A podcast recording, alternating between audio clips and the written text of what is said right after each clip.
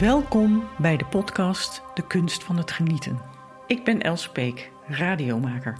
En dit is André van der Gun. Ja, hallo. Een architect met een vrolijke fascinatie voor levenskunst. Hij is ontzettend nieuwsgierig naar mensen die met hart en ziel gaan voor hun passie. Daarom reist hij heel Nederland door om die mensen te ontmoeten. En omdat hij hun verhalen graag met iedereen wil delen, reis ik met hem mee. We treffen elkaar bij Bagels Beans, de vrijplaats voor koffie, bagels en geluk en sponsor van deze podcast.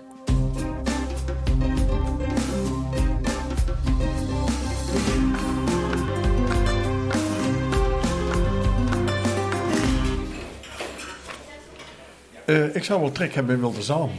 Vis. Wilde Zalm. We gaan vandaag naar Henk de Velde, naar zijn boot. En Henk de Velde is de zeezeiler die heel de wereld overgaat. Hij heeft geen bestemmingen, maar hij gaat weg. En altijd het water op. Ik ben heel benieuwd wat hij te zoeken heeft op die grote oceanen, die grote zeeën, waar helemaal niks is eigenlijk. Aflevering 6. Wijsheid en verwondering. Henk de Velde zit zijn hele leven al op zee. Ik ben een bewoner van het mooiste land in de wereld. De zee. Dat meen ik echt. Het liefst in zijn eentje. Solo-zeiler of solo-reiziger kun je niet leren. Dat moet in je zitten. Hij bezocht allerlei exotische plekken waar hij bijzondere mensen ontmoette. Here you can live without money, zei de chief tegen me. Where you go, you die without money. Nu woont hij op een 14 meter lange kotter. Solitario heet hij. 26 ton, rondspand, diep onderwaterschip, 200 pk Mercedes diesel. Een zeescheepje gemaakt voor lange reizen. Hij ligt in de haven van Kampen. Kijk, stijf. Ik vind dat ik hier lig op één van de mooiste plekjes in Nederland. Als ik zo die kant op kijk, dan kijk ik over toch wel het wijdere water van het Veluwemeer. Je voelt de wind. Aan die kant zie je de bomen. Daarachter ligt het jachthaventje. Dan heb je daar de wilgen. weer aan de andere kant van het water. Daar lopen nu momenteel ganzen met jongen. Ik vind, als je kijkt naar de wolken om je heen, dan voel je hier toch wel de ruimte, wijsheid. Zeker, ja. Ja, wat je in de verte hoort, is toch een snelweg. Je hoort in Nederland altijd toch wel verkeer. Dat kan niet anders. Ja, ik ben hier met plezier. En eigenlijk is het mijn eigen steiger. Er komt hier verder niemand.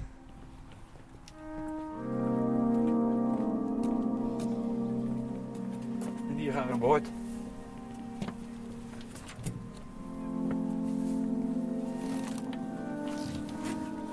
De salon is gelijk ook het stuurhuis, is de salon. Daar kun je eventueel met maximaal zes mensen zitten. Achterin heb ik een slaapplaats, mag je vandaag niet in. Er is één grote puinhoop. Is mijn eigen hok. Er is ook een, uh, een wc bij. En voorin is een slaapplaats voor gasten. Er uh, kunnen ook twee mensen slapen met een eigen wc en nog een zithoek. Met de kombuis, met de keuken. Dat is de ruimte. Meer dan genoeg, het is het grootste dat ik ooit gewoond heb. Ja, ik heb ooit drie jaar in huis gewoond. Maar wat moet ik nog meer dan dit? Ja, nee, het is hartstikke luxe. Ik zit met me bijna in het stuur. En, ja, maar, dat maar, wel. Maar, maar, dat maakt niet uit. Nee, nee. dat maakt niet uit. Ik vind zelf, mensen die zie eh, met, met respect naar iedereen, huizen zijn langzaam steeds groter, groter, groter geworden. Ik kom uit een gezin met z'n vieren, dus twee uh, zussen en een broer en dan mijn ouders. Nou, drie, dat was voor ons al wat hoor, drie slaapkamers. Tegenwoordig hebben ze, als je naar de huizen kijkt, gigantische huizen allemaal.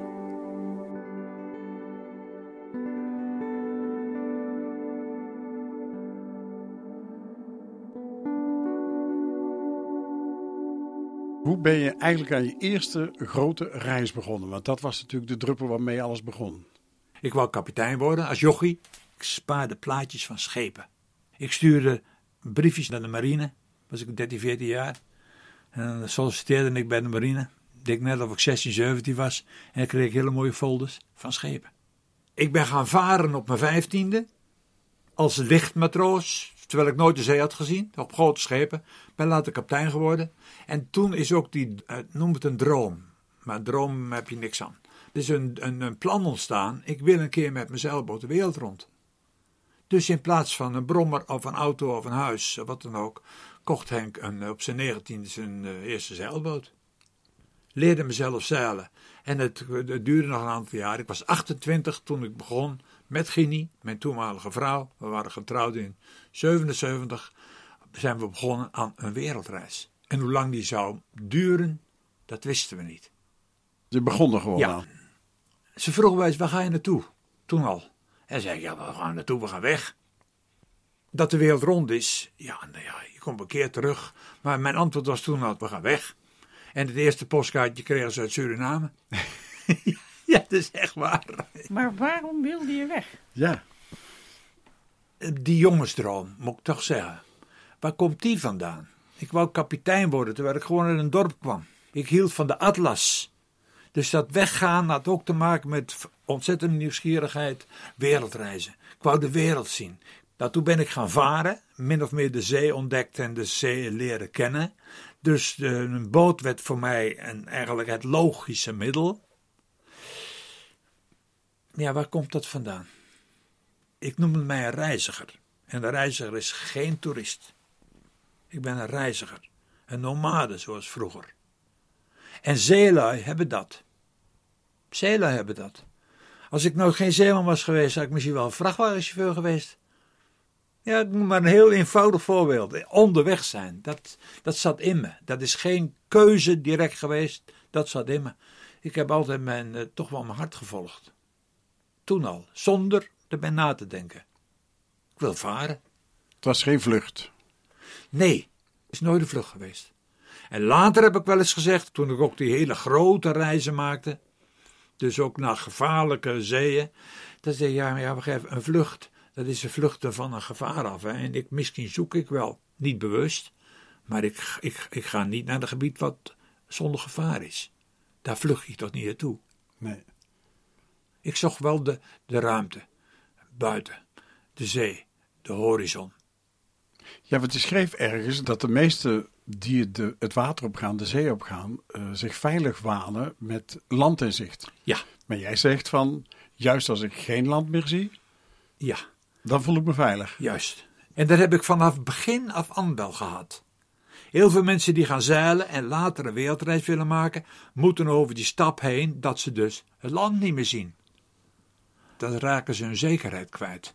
En voor mij was uh, ja, de wal de wal, ik noem het de wal, hè, dat land, ja. de, de, wal was onzekerheid. Eh, dingen die je moet doen, papieren die je moet vullen, dit moet je zo. Dit, je kunt tegen boeien afvaren, je kunt op rotsen lopen, je kunt. Ach jongens, op zee, de ruimte, kan me niks gebeuren.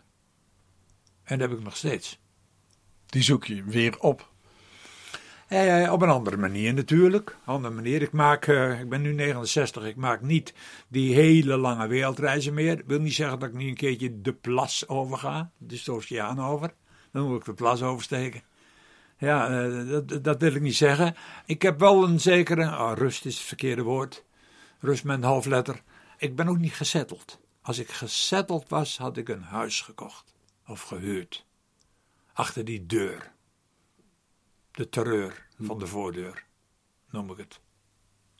En als je die plas over gaat steken, doe je dat met deze boot? Dit kan makkelijk ja? met deze, deze boot. boot. kan dat? Ja, daar heb ik hem ook op gekocht. Ja? Kijk, dit is geen zeilboot, het is een motorboot. Je hebt ook veel meer. Ik heb gekocht, ik word ouder. Ik wil rechtop lopen. Ik begon, uh, op zijn zeilboot begin je voorover te lopen. Ik wil wat meer ruimte hebben. Een fatsoenlijk bed, een kooi, een wc, een vierpits gasstel. Wat wil je nog meer? Ja, dat meen ik echt. Een veilige boot? Ja, maar wel een zeewaardigschip. En waar zit de zeewaardigheid in? Ja, goed, daar gaan we er nu niet technisch over in. Dat is de rompvorm. Hmm. Dat is hoewel die er onder water uitzit. Een, een, gemiddelde Nederlandse motorboot kan niet de oceaan over. Dit schip is erop gebouwd. Dus ik ben toen op zoek gegaan naar een kleine zeewaardige motorboot. En vond dit. En hier wil je die grote plas nog eens bij oversteken? Nou ja, bij oversteken. Kijk, naar Spitsberg. Ik ben met deze boot naar Spitsberg geweest. Dat is 1700 mijl. Dat is dus via 3000 kilometer. De kortste afstand oceaan over is 3000 kilometer. Dat is niet zoveel verder. Nee, dat is van, Nieuw, van Ierland naar Newfoundland op terug. is de kortste afstand de oceaan over. En als je iets verder gaat, nou, dan ga je 5000 kilometer. En je gaat 24 uur per dag door. Nou, je maakt dus uh, uh, 250 kilometer per dag. Dus in 20 dagen ben je aan de overkant. ja. Nee, meen ik echt. Ja, je het zo, relativeert. Ja, zo, maar dat is mijn vak Ja. ja. geworden. Maar in die 20 dagen dat je het oversteekt, heb je mooi weer. Maar je hebt ook storm, je hebt ook deining, enorme deiningen. Ja. En dan met deze boot, want als ik nou zo eens voor me, voor me kijk, links en rechts. Ik vind het een hele mooie boot, maar denk ik, is dit nou zo'n hele grote boot waar de oceaan mee oversteekt? Nee, dan moet je goed weten wat je doet. Ja, maar dit is dus een kleine boot die de oceaan over kan. Ja. Ehm, ja, je moet weten wat je doet. Je moet weten hoe je moet. Hoe moet je nou zo'n boot handelen met slecht weer? Op een zeilboot doe je minder, minder, minder zeil. Want anders kan die bijvoorbeeld omslaan. Op een motorboot minder en minder, minder motor. Juist niet meer motor. Want dan denken de mensen, eh, eh, dan- moet je eh, tegen de wind in, dan moet je toch meer motor geven? Nee, minder, minder, minder. Aanpassen met de omstandigheden. Met het slechtste weer in de wereld zie je een zeemeeuw op het water zitten.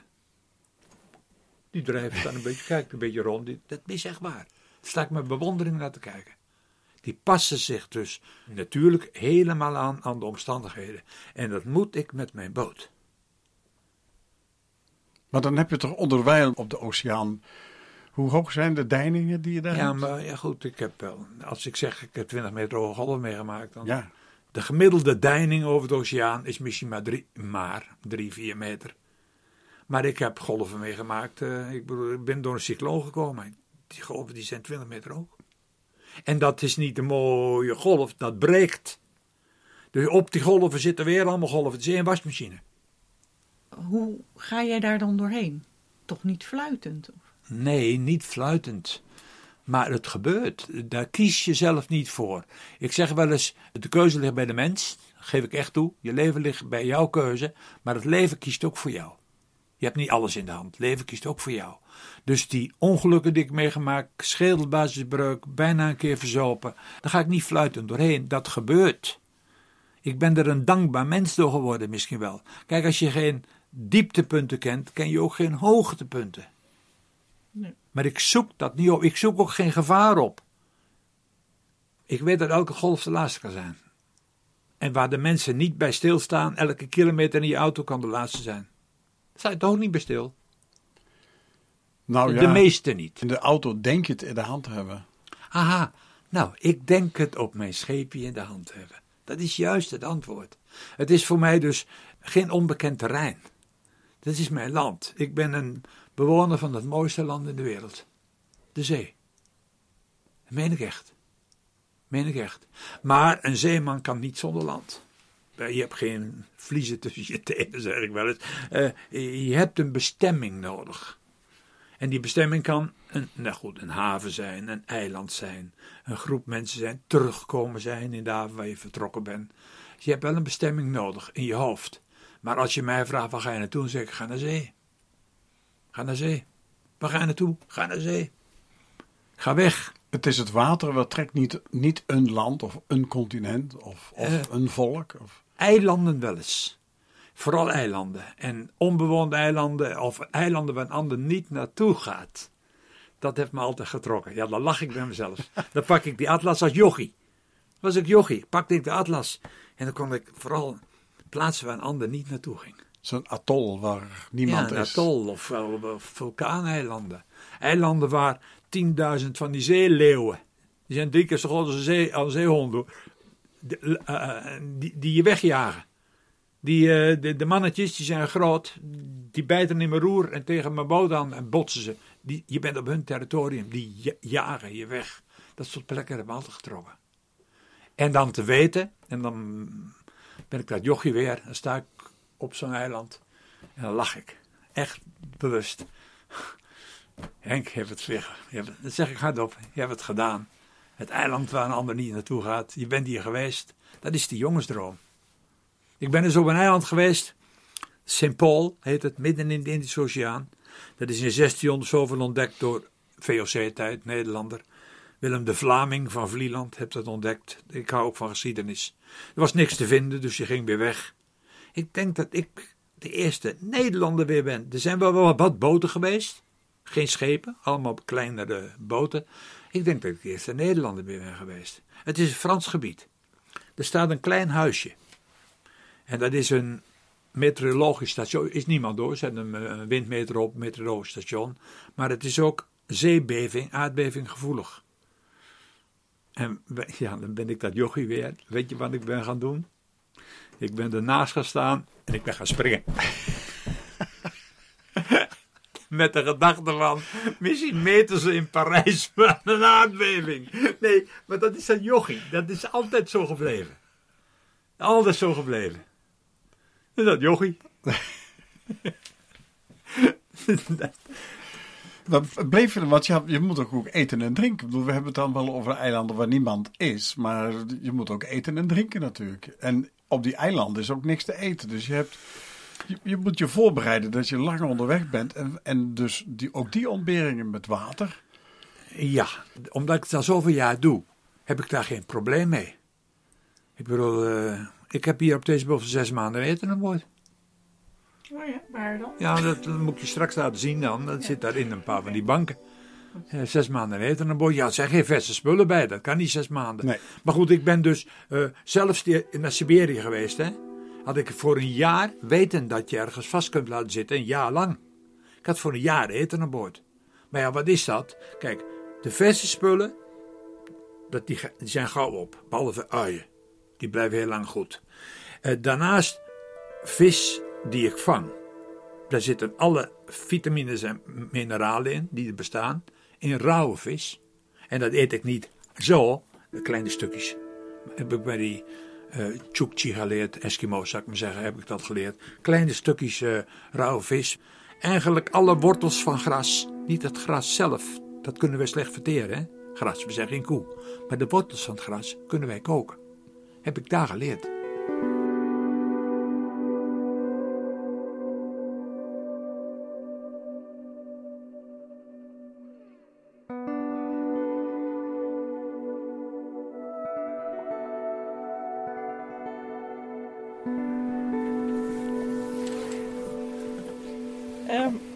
Moet achterstevoren eraf, hè? Uh, op een schip achterstevoren, anders kun je voorover vallen als een schip beweegt. En kijk, en hier kun je dus ook zitten. Maar mijn voorraad eten, dat heb ik dus in deze banken. Ik dat eventjes zo open doen. Kijk, hier heb ik koffie, conserven, rode kool in, uh, in glas, uh, roggebrood, koeken, uh, soepen, bami, macaroni, een hele bank vol. En dan heb ik aan de andere kant, heb ik ook zo'n bank uh, vol.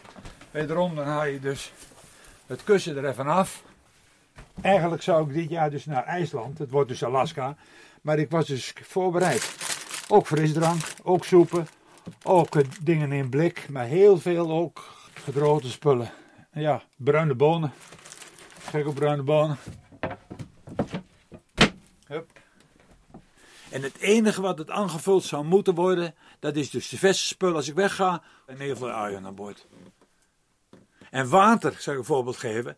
Tegenwoordig hebben ze watermakers hè? Ja. van zoutwater. Ik leef van regenwater. Ik heb nog nooit tekort gehad aan water. Ook toen ik Stefan, mijn zoon, was op een boot geboren, heb drie jaar lang meegevaren. Het eerste jaar heb je luiers om, nooit geen watertekort gehad. Heb jij de bevalling gedaan? Nee, nee, we waren op Paaseiland. Okay. En er was maar één dokter, dokter Carlos de Labarera, 25 jaar oud. Was net uitgezonden van de universiteit als dokter naar Paaseiland. Die heeft de bevalling gedaan. De naam vergeet je dan niet, hè? Carlos de Labarera. Die onthoud je. ja, ja, ja. Ja. En dit is mijn verf, die schilder. en daar heb ik, daar heb ik eens een keer mijn brood mee verdiend, hè? Ik kwam in Australië aan en toen was de uitgeverij was toen failliet gegaan, dus je miste royalties. En ik kon geen cent krijgen op de bank. En uh, toen zag ik kinderen op een markt in uh, Townsville. Zag ik uh, schilderijtjes maken. One dollar, one dollar verkochten ze. Ik heb er 100 gemaakt voor 25 dollar in de loop van dat jaar. Ik kan een beetje met verf knoeien, noem ik dat. En die verkocht ik in Japan en in Alaska. Daar leefde je van. En Ja, totdat alles weer goed Ja. kwam met de uitgeverij, maar daar leefde ik van. Oké. Ja, en nu zeg ik ook, kijk, zoals hij nu is, kan ik niet zij op. Dit, moet allemaal, dit valt allemaal om. De Dus, hele tafel staat vol met ja, en, ja, maar ook dat er wat daar staat, alles ruim je op. Of moet vaststaan of ruim je op, anders kun je niet zij op. Nee, maar je hebt hier wel een hangmat met fruit erin. Zie je. Nou, dat is het. En als je daar fruit hebt, of aardappelen, dit botst nergens tegenaan. Nee, want dan is het rot. Ja. Dan is, wordt het rot. Dus hier heb ik mijn fruit en mijn aardappelen in. Dat is zo'n hangmatje. Ideaal. Ja. Ja,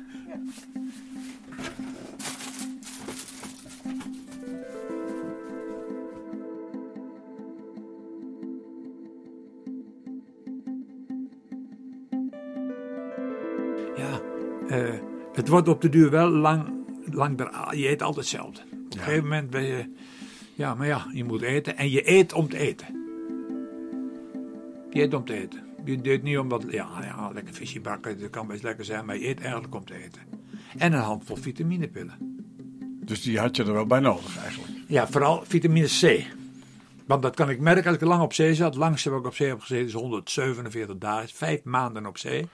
En als je dan een, eh, na, na 14 dagen zijn je sinaasappels op.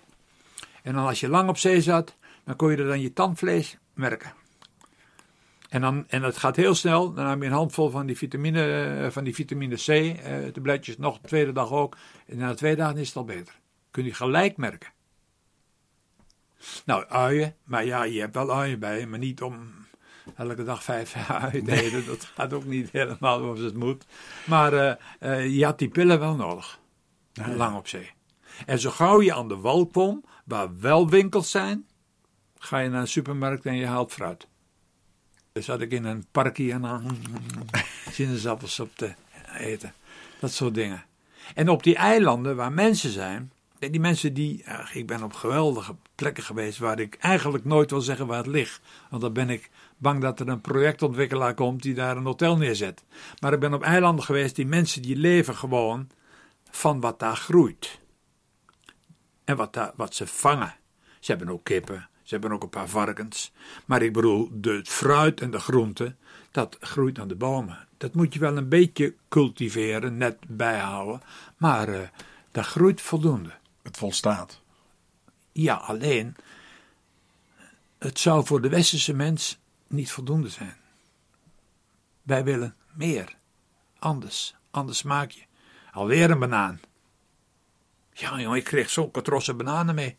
Ja, die zijn in één, die zijn in één keer allemaal rijp, dat geef ik toe. Want die moet je flink dooreten. Maar eh, eh, dat daar mannen ook, vooral ook met buikjes rondlopen, dat is een, een kwestie, heb ik later gelezen, van eenzijdig voedsel. Ze zijn niet ongezond, worden ook 80, 90 jaar oud, maar taro, dat is al uh, zetmeel en eenzijdig voedsel. Maar ja, ik leefde met die mensen mee. Ja. Dan zijn er op het moment allerhande onderzoeken uh, gaande over uh, het geluk van de mens in verschillende landen of verschillende eilanden. Nou is er een, een eilandje waarvan ik even de naam zo niet weet, maar dat is, daar woont een kleine groep mensen die zijn dan het gelukkigst. Hoe, hoe, hoe heb je dat ook zo ervaren op die eilanden als je daar die mensen ontmoet? Ik wil eigenlijk twee voorbeelden geven, maar van die eilanden ben ik juist geweest, Micronesië. En het eiland wat ik ken, hebben ze niet, want dat weet niemand, dat staat niet in het onderzoek. Want de mensen laten daar zelf niemand toe. Ik was de enige. Maar ja, uh, de kinderen, begin ik mee. Kinderen, ze spelen de hele dag. Ze lachen de hele dag. Er is geen honger. Dat is, dat is het belangrijkste. Er is geen honger. Ze spelen de hele dag. Ze vissen de hele dag. Ze vakken krabbetjes wat wij doen. Ze klimmen in de bomen.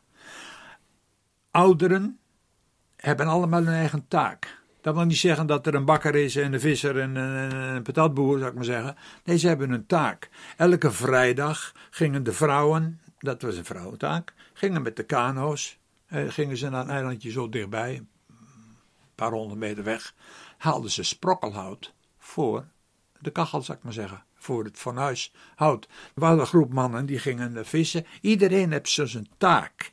Ik kreeg er ook een taak. En ik mocht blijven op dat soort eilanden. En ze hebben geen geld. Here you can live without money, zei de chief tegen me. Where you go, you die without money. Het is slecht papier, hè? zei hij tegen me. Ik gaf hem een dollarbiljet en hij stak het aan. Hij zegt, de brand niet. Geld zegt u niets. De, dus dat was dat soort eilanden, en ook eilanden van Papua Nieuw-Guinea, heb ik de gelukkigste mensen tegengekomen. 100% tevreden. Nee, tevreden. Dat woord bestaat zelfs niet. Zo is het. Geen honger, dat is het belangrijkste. De eigen feesten die ze geven. Heb ik meegemaakt, dansfestijnen en dat soort dingen. Waar alleen eerst de mannen mochten komen en als middags na drie uur mochten, mochten de vrouwen weer komen. Kinderen die bij mij aan boord zaten, versies zingen. Ik had er trouwens wel westerse dingen meegenomen. Papier. Ze hebben schooltje. Een schooltje. Eén uh, keer in het jaar komt er ook de gouvernementsboot bad brengen. Er is één onderwijzeres die ooit op het eiland is opgegroeid. Die hebben een soort opleiding gehad. Want ze zijn geen wilde. Ze hebben een opleiding gehad op Guam of zo. En komen dan terug. En zijn de, de leven lang onderwijzeres van die kinderen. Ze spreken Engels. Ze leren rekenen. De basisdingen. Maar vooral. Ja, het woord tevreden bestaat niet. Want het is zoals het is. De zon schijnt. Het water. Ze zitten in die kano's in plaats van op fietsen. Als ik weer terugkom in onze maatschappij, goed land hoor, ik klaag nooit. Toch loop je in, daar kan ik voorbeelden voor hebben, ik loop in de winkelstraat en de verlokkingen om je heen. Tuurlijk, ik ben een boekenlezer. Nou ja, een extra dingetje wat je koopt. Uh, wat gebeurt daar? Kinderen, die mogen dus doorstuderen. Dan worden ze dus, de gouvernement worden ze naar andere eilanden gebracht, Guam bijvoorbeeld. Gaan ze naar school, komen ze in het winkelcentrum. Ze zien al die dingen. Ze komen jongen tegen. Duurt niet lang of ze, ze willen een mooie kinderwagen hebben. Dan een autootje. Ze hebben te kleding aan en ze willen nooit meer terug. Want die verlokking van het Westen. is te groot. Ja, en die andere kant van geluk ga ik nou even aan een heel andere kant toe. Ik ben negen maanden in Siberië geweest. Hè? Plaatsje waar 2000 mensen wonen. Russen. En ook Chukchi, dat zijn Eskimo's, maar ook Russen. En daar ga ik één voorbeeld van geven. Wadim, mijn echte Russische vriend die me hielp met alles. Uh, die zijn daar als contractarbeider gekomen in de communistische tijd. Mochten ze ook niet weg. Slaven wil ik net niet zeggen, maar zijn ze daar gekomen. Toen is het uh, Rusland vrij geworden. En hij mocht weg. Ik zei, Wadien, waarom ga je niet ergens anders heen? Hier, hier negen maanden uh, min 35 graden, uh, alles is wit en het vriest en de sneeuwt. The Arctic is so beautiful. En er is niks in het dorp, het is één winkeltje. Ze hebben televisie, hè? Ze hebben televisie, vijf kanalen. Ze leven in de natuur. Daar bestaat het woord tevreden wel, want ze weten ook dat er iets anders is. En ze kijken naar westerse televisie. En naar detectives. En naar pief paf films. Dat is het rare weer. Dat is het rare weer. Een soort dubbele erin. Dat, daar is het dubbele. Maar dat bestaat dus niet op die eilanden. De chief, die zag, die, eh, de chief, de burgemeester, zou ik maar zeggen, kwam aan boord, die zag mijn computer. That's the screen de televisie, de screen. Nou, dan ook, uh, chief, dat is de computer. En uh, ik liet hem wat zien. Ik liet hem ook plaatjes van Nederland zien. Goh, je weet alles, hè? Ik zeg, everything. En als ik het niet weet, dan zoek ik het op Google. Like I, go, I Google. Oh. Hij zegt, weet je wat hij zei? Om te leven hoef je niks te weten. Nee, dat zijn wijsheden. Dat zijn grote wijsheden. Waarom ben ik in dat paradijs niet gebleven? Ja, toch mensen. Mijn zoon trok. Had ik vier jaar. Ik had gezegd, kom nooit weer terug. Uh, mijn moeder leefde nog. De streek waar ik hier kom, hier vandaan.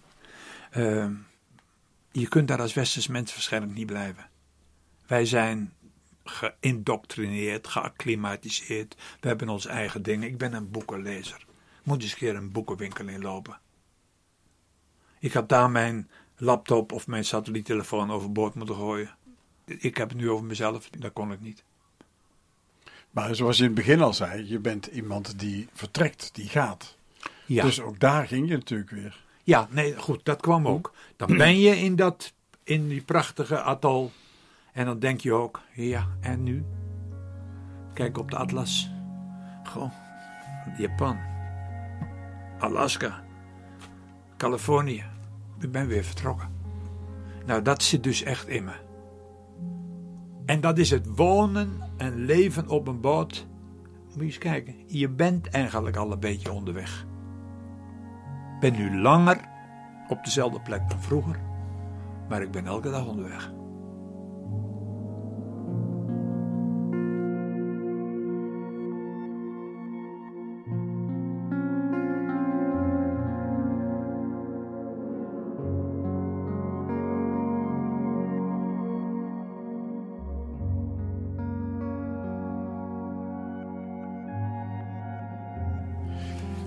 En dan even iets anders, want we hebben het nu altijd over alleen zijn. eh, behalve als je natuurlijk aan de wal was of zo. Maar we hebben het nog niet gehad, denk ik, over eh, de dieren die je onderweg ontmoet. Ja, ik vond het onvoorstelbaar dat op eh, Point Zero, de, de plekken in de wereld waar je het verste bij land verwijderd bent, duizenden kilometers hè, bij land verwijderd, dat er vogels waren. En dus de albatros, die is heel groot hè, die hebben een spanwijdte van drie meter. Andere stormvogels, zulke kleine, lijken wel zwaluwen, midden op die oceaan. Die, en dan met hoge golven, die dus zo eh, over het water inscheren. Ze raken het water niet. Het is ongelooflijk vogels. De enige plek waar je de minste vogels ziet is midden in de tropen op zee. Dat is de doldrums. Heb je geen wind en veel te heet. Dus zelf voor vogels.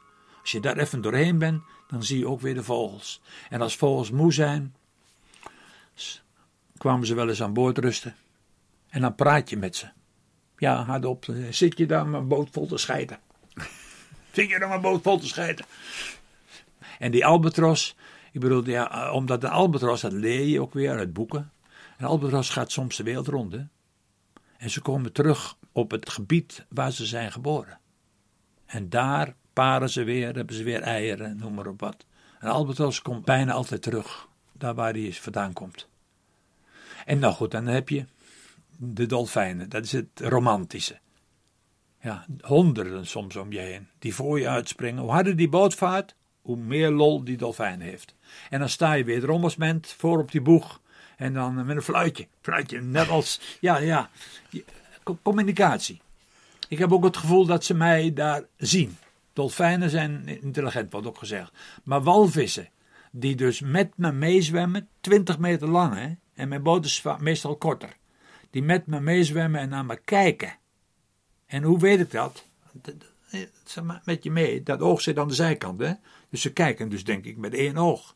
Maar dan loop ik op die boot heen en weer en dan zie ik die oogbal draaien. Ze kijken naar mij. Dus die voelen dat op dat levenloze schip, dood ding, dat daar iets warms is. Hè? Warmte, hoe ze dat ook voelen. Walvissen zijn heel bijzonder.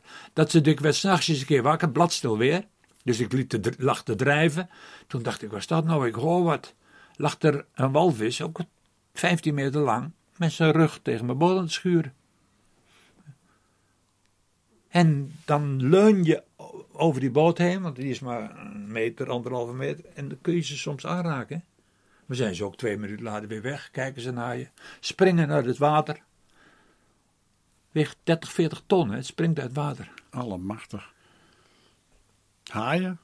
Haaien zie je eigenlijk alleen maar bij riffen. Dat snap je. Eh, eh, Haai is een rifvis, want die moet weer andere vissen. Midden op de oceaan kom je weinig haaien tegen. Maar k- kan wel. Maar op die eilanden, waar we zo over begonnen zijn, zwemmen de kinderen met haaien.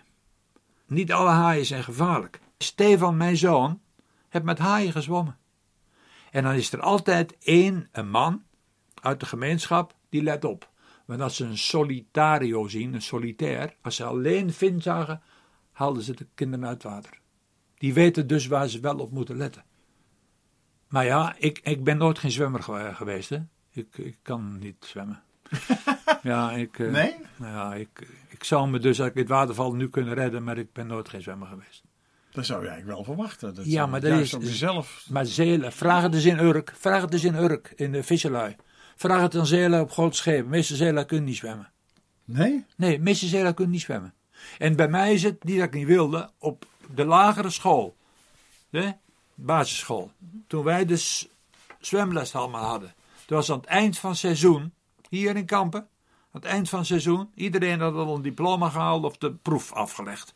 En ik zat nog steeds te watertrappen. Laatste dag. Ik ben nooit geen zwemmer geweest. Maar heb je niet het of ik dacht dat het juist een soort veiligheidsgevoel geeft van ik ben een, eh, een, een ik ben echt een goede zwemmer. Dus als ik in het water val, moet het gek gaan, wil ik me niet redden of zo. Nou zal dat op zee niet zoveel helpen, denk Nee, ik. op zee helpt dat niet, dat weet je. Maar toch, op grote schepen zie je dus de zeelui en visserlui ook niet. Je ziet ons niet met zwemvesten lopen. Hè? Op jachtjes wel. Ja, zie je niet met zwemvesten lopen. Wij zijn geleerd niet in het water te vallen, maar een ongeluk kan gebeuren. Eh, maar goed, ik ben van nature dus al geen zwemmer. Anders had ik het als kind geleerd. Ik ben van nature geen zwemmer. Oké, maar dan, Toen ik met bemanning rondvoer, weet je wel, met zo'n stukken met bemanning, die, is- die eh, wa- warm weer, Henk, eh, bladstil weer, mogen we in het water springen? Dan maakte ik een boei klaar met een touw eraan voor het geval dat. En dan mag je in het water springen. Als alleen, solozeil doe je het ook al niet gauw, hè? Nee. Want zo'n boot kan ook een vlaagje wind en is weg. Maar ook in de, in de havens niet. Ik ben nooit geen zwemmer geweest. Eh, Ik vind niks. Je wordt nat. ik vind het je gewoon niks. nee, maar ik- De katamaran spoelt helemaal onder water, word je nat. in, in, in Amerika heb je die termen, en die kent ze in Nederland ook, Beach Boys. Niet alleen die muziekgroep, waar komt het vandaan? Die Beach Boys die op eh service zijn ook Beach Boys. Daar ben ik nooit geweest. Een Beach Boy. Ik ben een zeeman.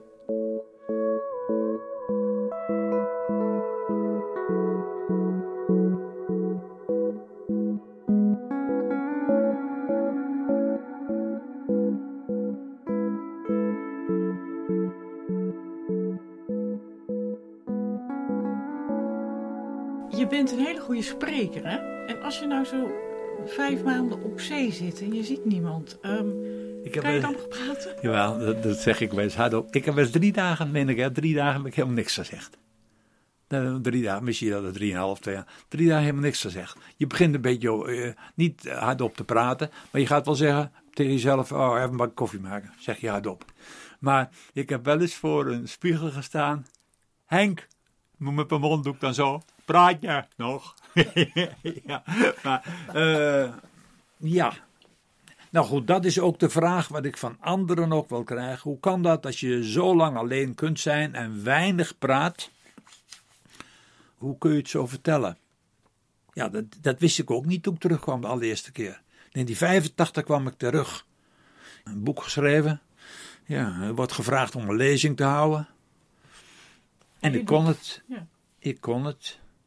Maar dat is dus ook voor mij het teken dat ik ben geen kluizenaar. En missie is dit nu wel een manier van delen.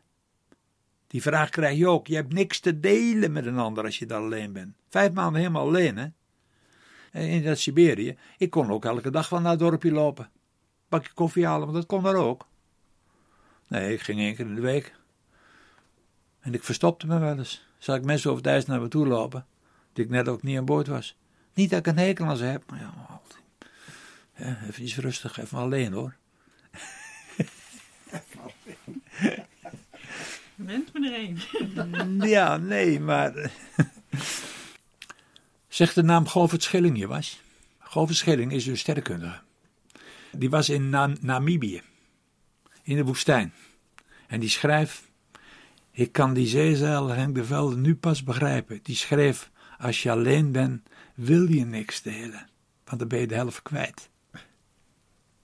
Nou, dat je het niet gedeeld hebt, dat resulteert nu in mooie verhalen en mooie boeken.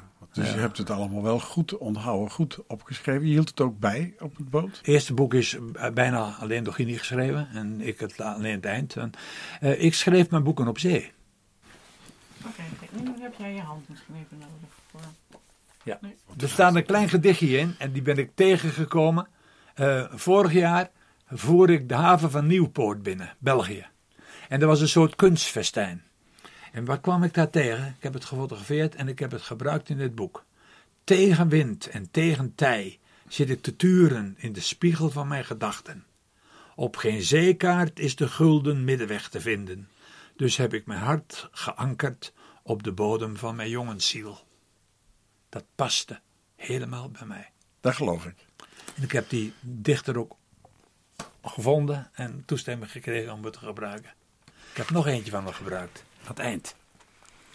Het zoute zog, de zilte nevel, alleen en met mezelf, de boeg onzichtbaar achterna, mijlenlang de vraag wanneer ik nu weer wegga. Ik hou van het leven, ik hecht enorm aan het leven, ben ook een optimist. Maar ik kan nooit goed tegen al die onverschilligheid overal. Daarom vraag ik het van jou. En ik zie in jou, door uh, jouw verwondering, maakt dat je de onverschilligheid voorbij bent. Dat is het. Blijven verwonderen. Mijn hele leven tot vandaag aan de dag, tot morgen naar wanneer. Ik blijf me verwonderen. Het exploren van de aarde, het ontdekken van de aarde is één grote verwondering. En die onverschilligheid, juist. Misschien is dat wel hetgene wat de mens nekt. Onverschilligheid. Ben ik even stil van. Dat woord, laat ik op me inwerken. Ja. Mensen kunnen het zich permitteren onverschillig te zijn. Maar als jij alleen op dat grote water bent, dan kun je ook niet permitteren nou, onverschillig te zijn. Nou, dus... Kom, kom je weer terug naar mijn element. Ik kan mij niet permitteren om onverschillig te zijn. Die zee, die denkt niet met mij mee, want die is gewoon een stuk water. Die zee heeft het niet op mij voorzien, want het is gewoon een stuk water. Ik moet anticiperen op die zee. En ik kan mij die onverschilligheid niet permitteren. Heel goed, dat moet ik opschrijven. Dat moet ik opschrijven. Dus meer mensen in onze omgeving of, uh, zouden het eigenlijk hetzelfde mee moeten maken om er zich te bewust te geraken niet onverschillig meer te zijn. Want dat is een van de ergste eigenschappen naast de arrogantie. Ja, dat is een van de ergste eigenschappen. Maar ja, je hoeft niet, je kunt ook niet iedereen toch even naar zee sturen, naar de bergen sturen. Je kunt ze wel proberen iets meer te laten genieten van het gewone. Ja, maar ik denk dat de zee heeft jou nederig gemaakt. Absoluut nederig. En als mensen iets meemaken wat heel overweldigend is. Ja. Misschien dat dat. Dat is het ook. De zee, dat is wederom. Dit is een mooi gesprek, want je, we gaan elkaar aanvoelen op deze manier. De zee heeft mij nederig gemaakt. Op de knieën gebracht. Eh, de arrogantie voorbij. Absoluut de arrogantie voorbij. Ik heb niets te zeggen, mag alleen maar verwonderend om me heen kijken.